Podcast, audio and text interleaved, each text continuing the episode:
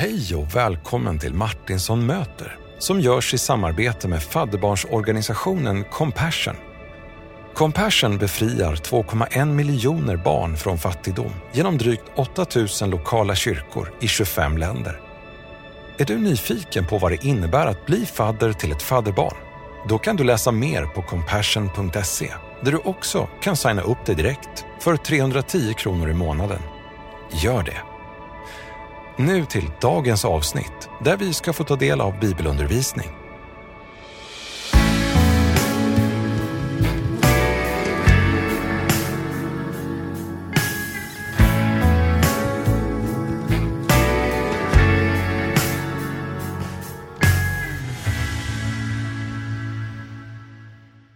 Hej vänner! Varmt välkomna tillbaka till Martinsson möter. Jag hoppas att du har haft lite sommar, att du har fått lite sol, för det har jag fått. Och nu är vi på väg in i höstterminen. Ämnet vi har är samma som förra veckan. Vi gick igenom Apostlagärningarna 27 och nu ska vi till Gamla Testamentet. Jag skulle vilja uppmuntra dig till att plocka fram din bibel. Vi ska in på Andra krönikeboken 20 och vi ska nästan gå igenom hela kapitlet, lite grann i alla fall. Och rubriken på det jag vill prata om idag är samma som förra veckan, men det är en annan text. Rubriken är Bästa vägen ut ur en kris. Om du skulle vilja ha en underrubrik så är den Att välja tillbedjan i tvivlets tid. Alltså, vi benämner våra kriser på olika sätt och de kan vara stora, de kan vara små. Det var ett, kan vara ett skrapat knä på ett småbarn och plåster och det kan också vara en nationell politisk kris eller det kan, ja, det finns olika storlekar på de här grejerna. Churchill har sagt förspill inte möjligheterna som uppkommer i en rejäl kris.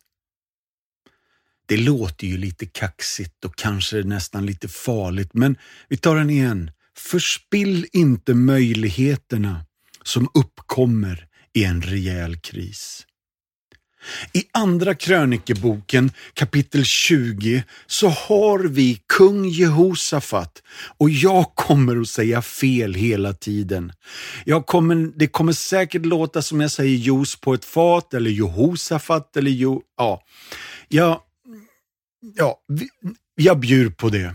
Men här har ni en vers som sammanfattar krisen. För det är verkligen en verklig kris. Han har tre arméer som är emot honom.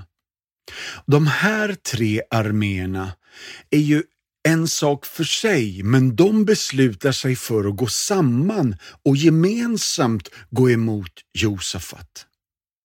Lite grann kan jag känna att corona kom som ett uppspel och en, liksom en snabb boll som bara small till sådär. Och jag hade ju mina bekymmer redan innan. Kanske du också.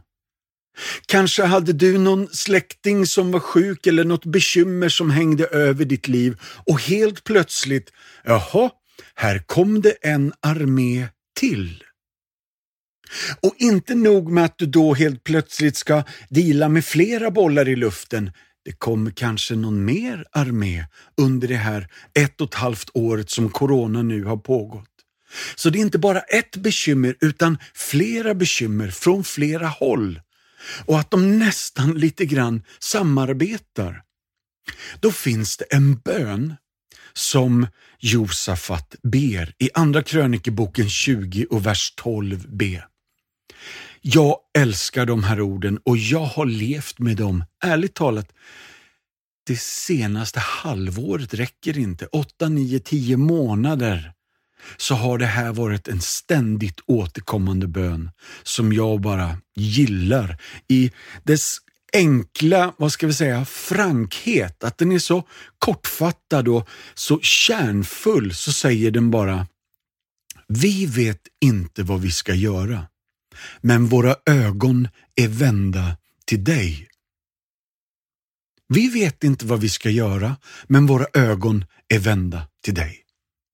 Vi återkommer till den här versen om en liten stund. Nu ska jag berätta en berättelse för er. Det finns, eller fanns, en sydafrikansk trapetsshow som hette The Flying Rodleys. Någon påpekade hur otroligt mycket han beundrade trapetsartisten Rodley. Men Rodley överraskar genom att liksom omdirigera all beundran till en annan medlem i gruppen. Här citerar jag.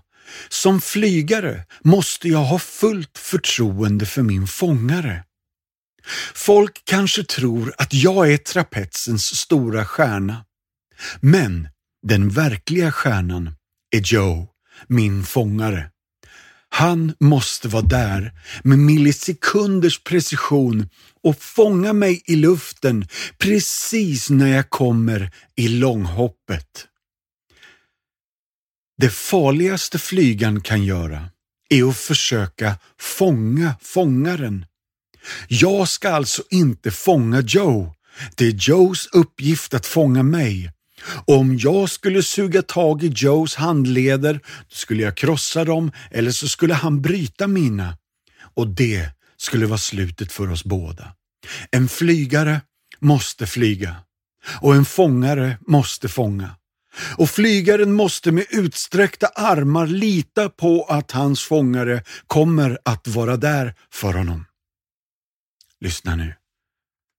Covid-19-pandemin har fått många av oss att känna sig som om jag flyger okontrollerat genom luften och jag famlar desperat efter en fångare som kanske inte riktigt är där. Vi kan lära oss av Jesus. Att vår himmelske far, han är den säkraste fångaren av alla. Han kommer inte att missa din utsträckta hand i tro och han tappar inga flygare.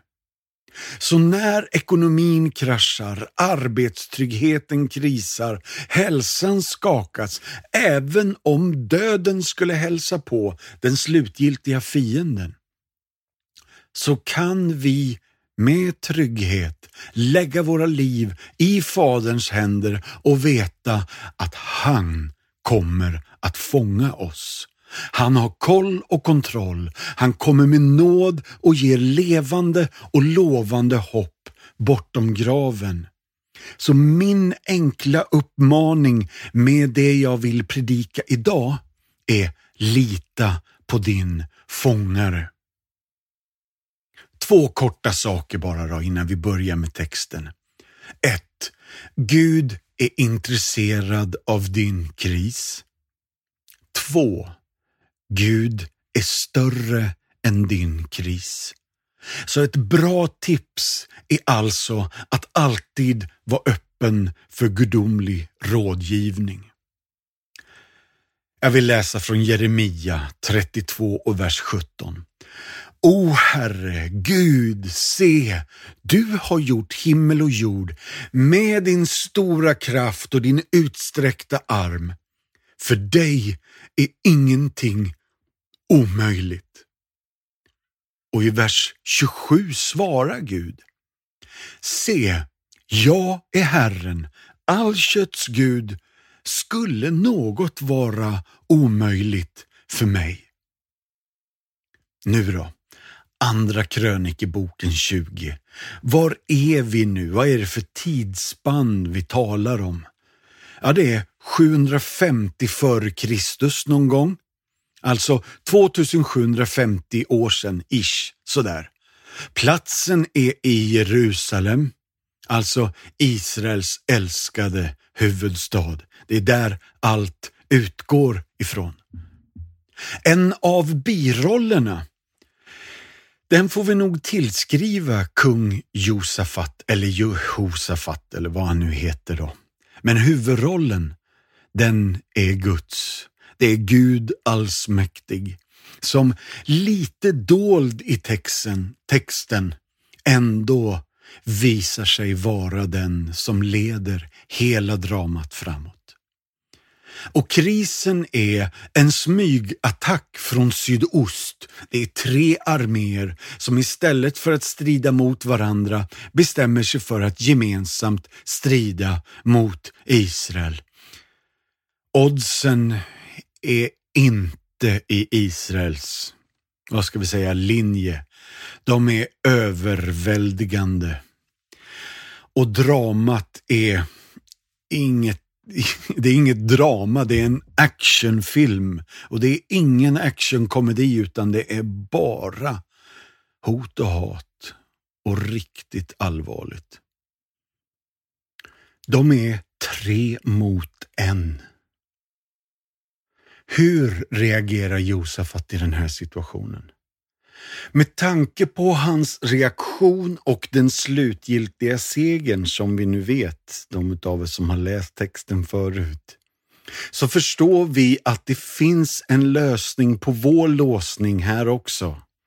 Och jag skulle önska att vi kunde läsa Bibeln lite mer noggrant för den kan hjälpa oss i kristider och ur kristider.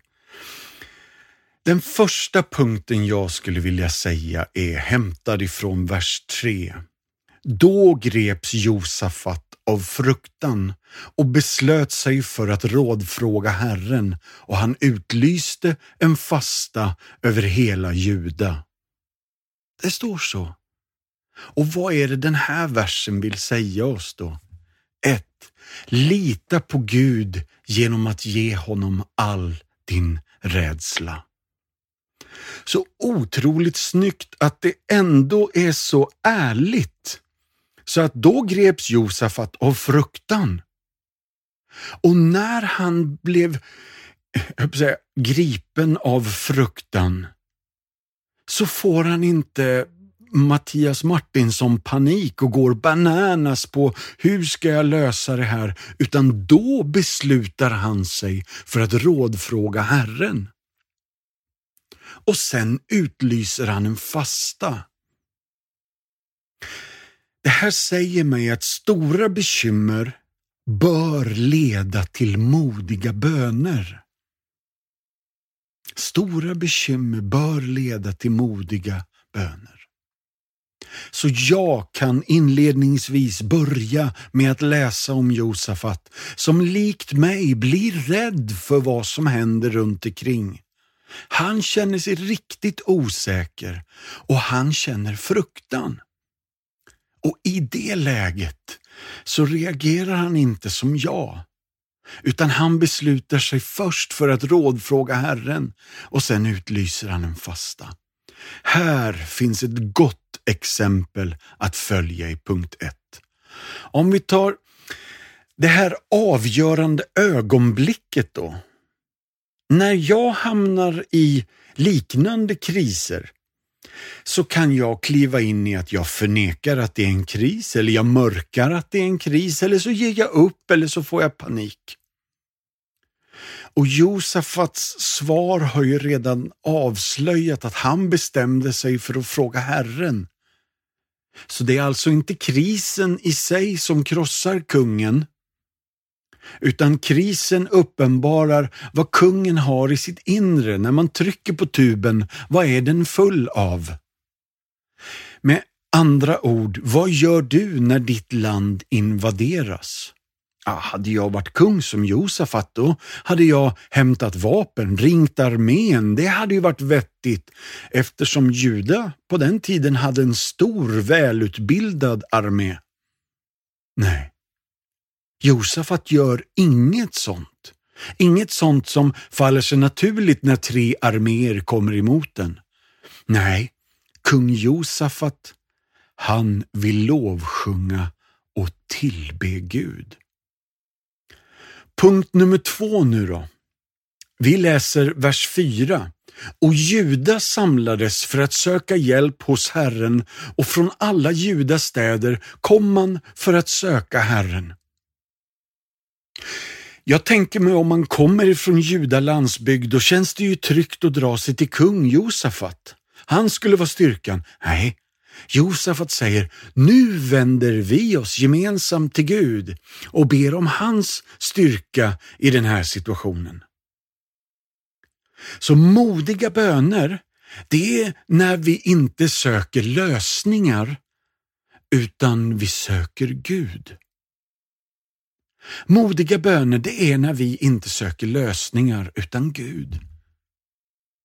Så min uppgift i en sån här situation, din uppgift, är att hjälpa andra och uppmuntra andra att sätta sin tillit och tillbedjan till Gud, krisen till trots. Det här blir ju väldigt viktigt när vi ser att det bördan ligger inte på våra axlar. Det är inte vi som måste bära detta, utan vi nu är redan framme vid punkt nummer tre. Vi kan gemensamt ropa till Gud. Det är vers 5. Josafat steg upp i Judas män och Jerusalems församling i Herrens hus framför den nya förgården.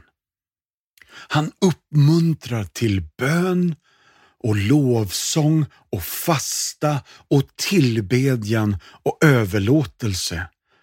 Och jag känner, men du Josafat, är det inte läge att samtidigt bara skicka ut en, ett extra sms till alla krigsherrar att hörni, var beredda nu.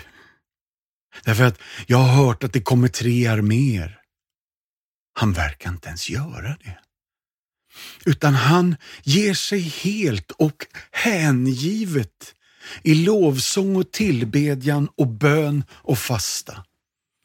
Inför Gud, till Gud, tillsammans med hela den samlade församlingen.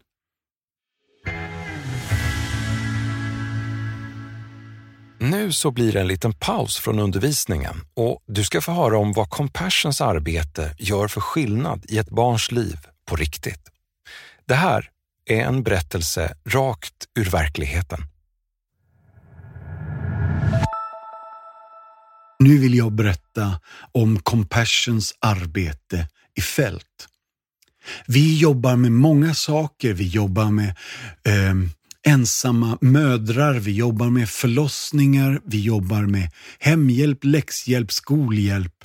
Eh, men framför allt så hjälper vi 2,1 miljoner fadderbarn. Och det gör vi genom ett arbete där man kan bli direkt kopplad med ett fadderbarn. Man är liksom inte bara fadder till alla möjliga utan man har ett specifikt fadderbarn någonstans i världen. Och då vill jag berätta, om du undrar, gör mina ord någon skillnad? Jag ska berätta om en tjej. Hon heter Fortune. Hennes ansikte strålar och det säger allt.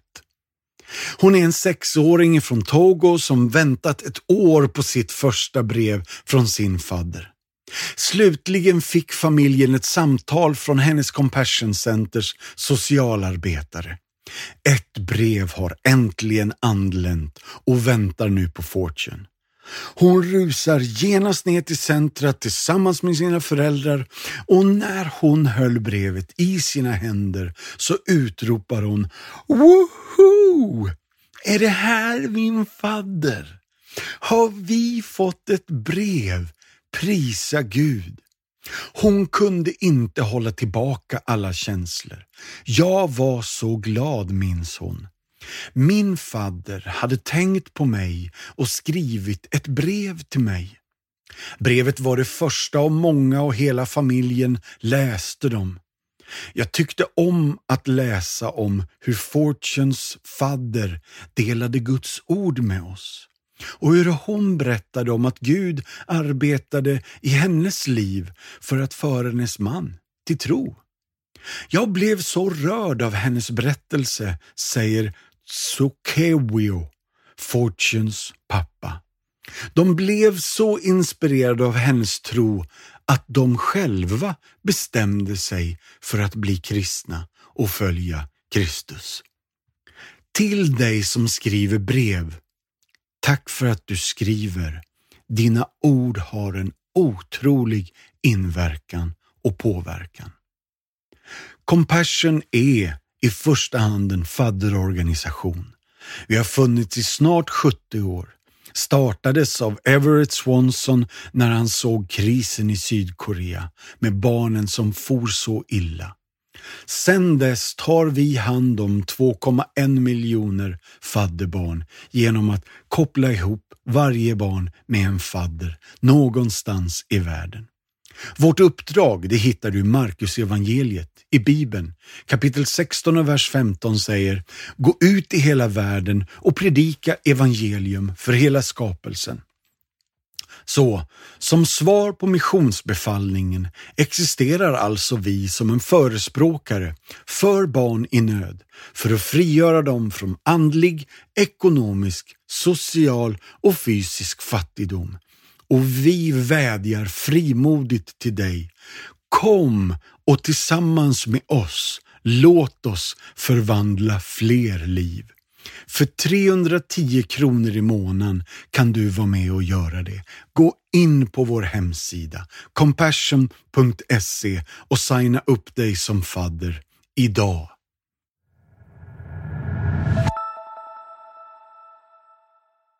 Tillbaka till texten nu då. Punkt nummer fyra. Vi är framme vid vers 6. Han sa, Alltså det är han Josafat eller Jehosafat eller Jehosafat eller vad han nu hette. Kungen är det vi pratar om. Och han sa, Herre, våra fäders Gud, är inte du Gud i himlen och den som råder över alla hedna folkens riken? I din hand är kraft och makt och det finns ingen som kan stå dig emot. Kriser ska alltså leda mig till Kristus. Det är inte Kristus som står bakom krisen, men han kan använda krisen. Rubriken på punkt 4 är Påminn alla om Herrens trofasthet och frälsning. I din hand är kraft och makt och det finns faktiskt ingen som kan stå dig emot. I förra veckan så nämnde vi lite om Jona bok. Hur alla där på båten, i krisen, i stormen ropar till sina egna gudar och alla kallar på hjälp men inget funkar. Till slut avslöjar Jona, det är mitt fel. Han slängs i havet, han blir uppäten av en fisk och i krisen får vi säga så hör vi att han lovsjunger i fiskens mage i kapitel 2. En mycket märklig vers får jag säga. Men det finns flera sådana i Bibeln. I Danielsboken finns det tre riktigt sköna killar som heter Sadrak, Mesak och Abednego. Jag föreslår att ni döper era barn till de här namnen. De är toppenbra. De här killarna sjunger i en brinnande ugn. Sen finns det en annan kille som heter Habakuk. Han har bara tre kapitel och han avslutar kapitel 3 med att säga Vinstocken har slått fel, grödan gror inte, eh, fåren är ute ur hagen och allt är borta. Men likväl vill jag fröjda mig i min frälsningsgud. Och så sjunger han Herren är min starkhet och min lovsång. Det är Habakuk. Och sen vet jag att du säkert minns när Jesus sitter med lärjungarna i övre salen. Alltså precis när de har avslutat den första nattvarden och liksom påmint sig om påskens historiska vingslag. Och han har liksom förnyat hela bröd och vintanken. Direkt efter det, jag tror att det är Matteus 25 och vers 26 så står det, när de hade sjungit lovsången. Bara betänk nu. Han sitter över salen, om några minuter kommer han svettas blod i ett semane. Och här sjunger han lovsång med lärjungarna. Och vi skulle kunna gå till många texter i Gamla Testamentet. Den kanske kändaste av dem alla är Josua och armén som omringar staden, går där och sjunger och sjunger och sjunger och tutar i trumpet. Och murarna rasar. Den sista referensen är Apostlagärningarna 16. Paulus och Silas i den innersta fängelsehålan. Då står det vid midnatt höll Paulus och Silas bön och sjöng lovsånger till Gud. De andra fångarna hörde på. Kriserna ska alltså leda mig till Kristus. Andra krönikeboken 20 och vers 12 säger det här så vackert och ni har redan hört det i inledningen. Ska inte du, vår Gud, hålla dom över dem? Vi förmår ingenting mot denna stora skara som kommer mot oss och vi vet inte vad vi ska göra. Men våra ögon är vända till dig. Krisen kan, bör och ska leda dig och mig till Kristus. Biskop Fulton Sheen har sagt det här otroligt bra. Om du inte tillber Gud så tillber du något annat och nio gånger av tio kommer att vara dig själv. Du har en skyldighet att tillbe Gud, inte för att han kommer att vara ofullständig och olycklig om du inte gör det, utan för att du kommer vara ofullständig och olycklig. Så, punkt nummer fem. Hur vinner vi striden utan att gå ut i krig? Svaret är enkelt, kortfattat, kärnfullt och ändå lite bekymmersamt svårt i all sin enkelhet. Tillbe Gud. Vers 21 och 22 står det sedan han hade rådgjort med folket ställde han upp sångare som skulle prisa Herren i helig skrud medan de drog ut framför den beväpnade Herren. De skulle sjunga Tacka Herren, evig är hans nåd. Och när de började att sjunga och lova, då lät Herren ett angrepp komma bakifrån på folket från Ammon, Moab och Seers bergsbygd, som alla hade kommit mot Juda och de blev slagna.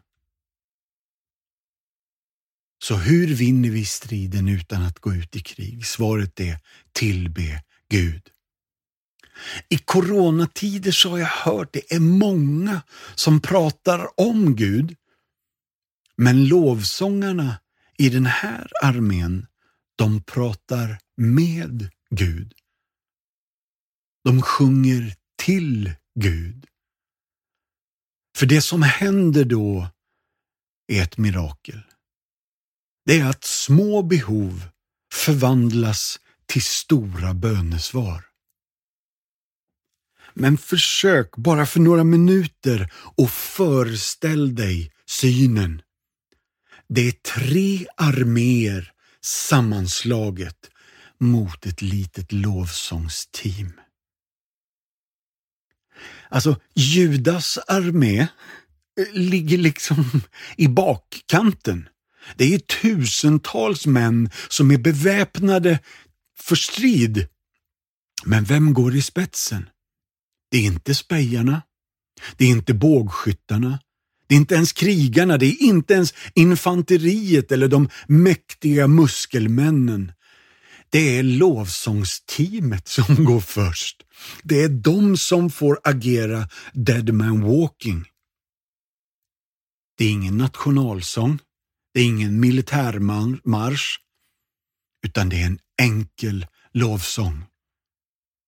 En enkel lovsång. Och med det så är hela överraskningsmomentet borta. Alla hör, därför att lovsångarna hörs och går före. Så det händer oss något riktigt gott när vi vågar erkänna vår hjälplöshet och vårt beroende av Gud. Och att vi odlar vår tillbedjan, det är vårt enda sätt till, jag på säga, andliga segrar. Så bibeltexten både uppmanar och utmanar.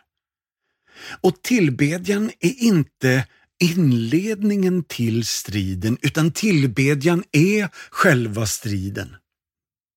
Och tillbedjan är inte någon förberedelse för strategin, utan tillbedjan är själva strategin. Så här ställer sig lovsångarna längst fram och sjunger tillsammans med Habakuk som vi nämnde förut, eller Jona, eller Moses syster Miriam, hon som tar fram tamburinen och firar. Och kung David och Jesus när han har gått från övre salen eller vid slutet av övre salen så stämmer han upp i många lovsånger. Och även då Paulus och Silas i Apostlagärningarna 16. Sadrak, Mesak och Avenego sjöng i Danielsboken 6. Och i min mening så tycker jag att de sjunger alla alldeles för tidigt. Och där tror jag nyckeln ligger. Att de sjunger inte för att liksom, Gud om vi sjunger till dig nu, då kan väl du göra som vi ber dig. Utan de lovsjunger Gud för att han är god. De lovsjunger honom inte för att segern är vunnen och att allt är över och allt är klart och nu kan vi fira, woho! Utan de sjunger innan. Mitt i natten som jobb. Som låter, jag tror att det står i jobb 35, vem är du Gud som låter lovsången ljuda i natten? Det finns någonting här som verkligen vi behöver återvända till. Enkelheten i lovsång och tillbedjan och vilken enorm kraft det har. Så fyra snabba frågor, bara för att sammanfatta det här nu. Vem litar jag på? Den här texten säger, ger oss svaret. Du ska lita på Gud som är evigt trofast. 2. hur ser jag på mig själv? Maktlös, men ändå modigt bedjande. Gud, vi har ingen i oss själva här som vi kan uppbåda, utan våra ögon är helt och hållet vända till dig. Och fråga nummer tre är, vad gör jag i en kris enligt Andra krönikeboken 20? Och jag ska tillbe Gud i tro. Och punkt nummer fyra och avslutande nu då, vad gör Gud? Då utkämpar han min strid, din strid, vår strid, vår kris, kamp och kramp. Tack gode Gud för din kärlek till oss. Vi avslutar med att läsa välsignelsen. Gå ut i världen med frid. Var vid gott mod. Håll fast vid det som är rent. Löna inte ont med ont. Stärk den trötte. Stöd den svage. Hjälp de drabbade. Hedra alla. Älska och tjäna Herren. Gläd dig i den helige Andes kraft och låt Gud den allsmäktiges välsignelse från Fadern och Sonen och den helige Ande vara bland er och stanna hos er alla, alltid. Amen.